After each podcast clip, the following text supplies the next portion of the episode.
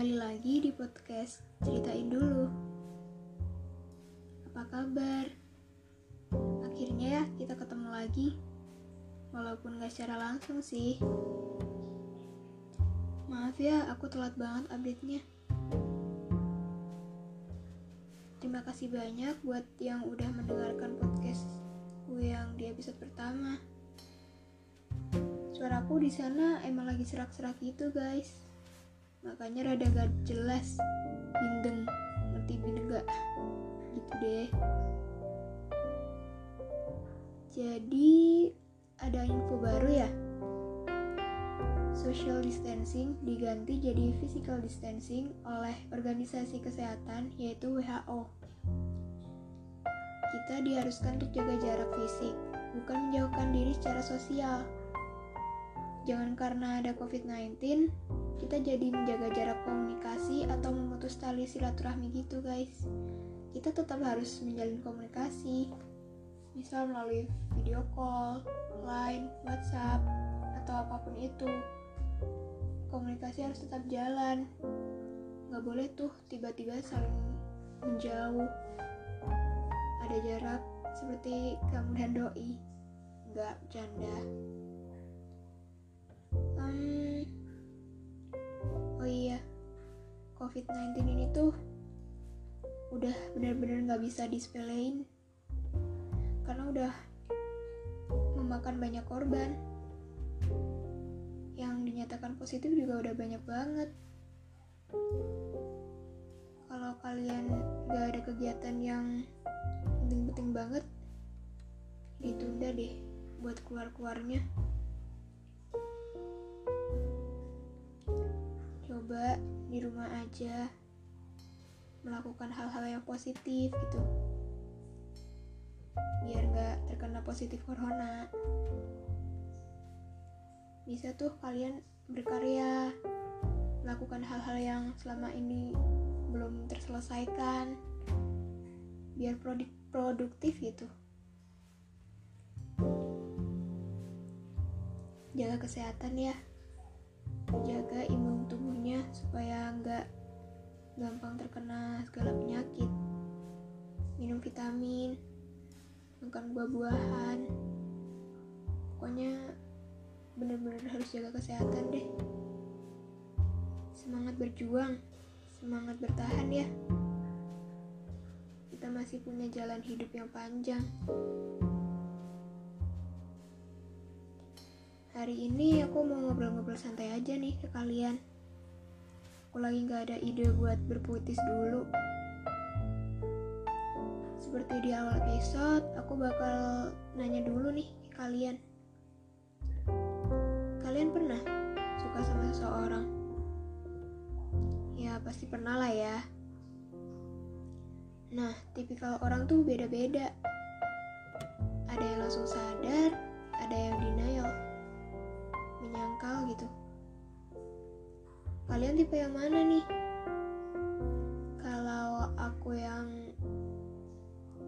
in aku pribadi nih ya tipe yang langsung sadar. Terus buat kalian yang tipe langsung sadar langkah apa yang bakal kalian lakukan?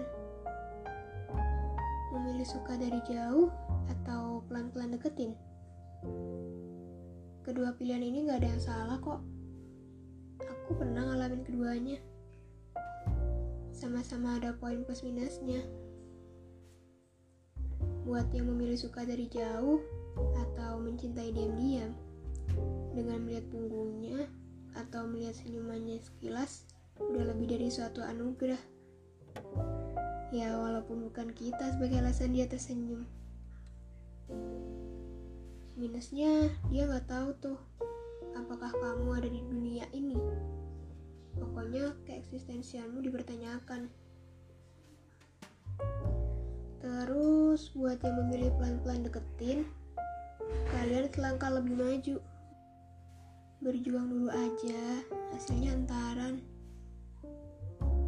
tapi emang rada susah sih apalagi deketin orang yang super cuek ketika udah muter otak buat nyari topik eh jawaban dia cuma gitu-gitu doang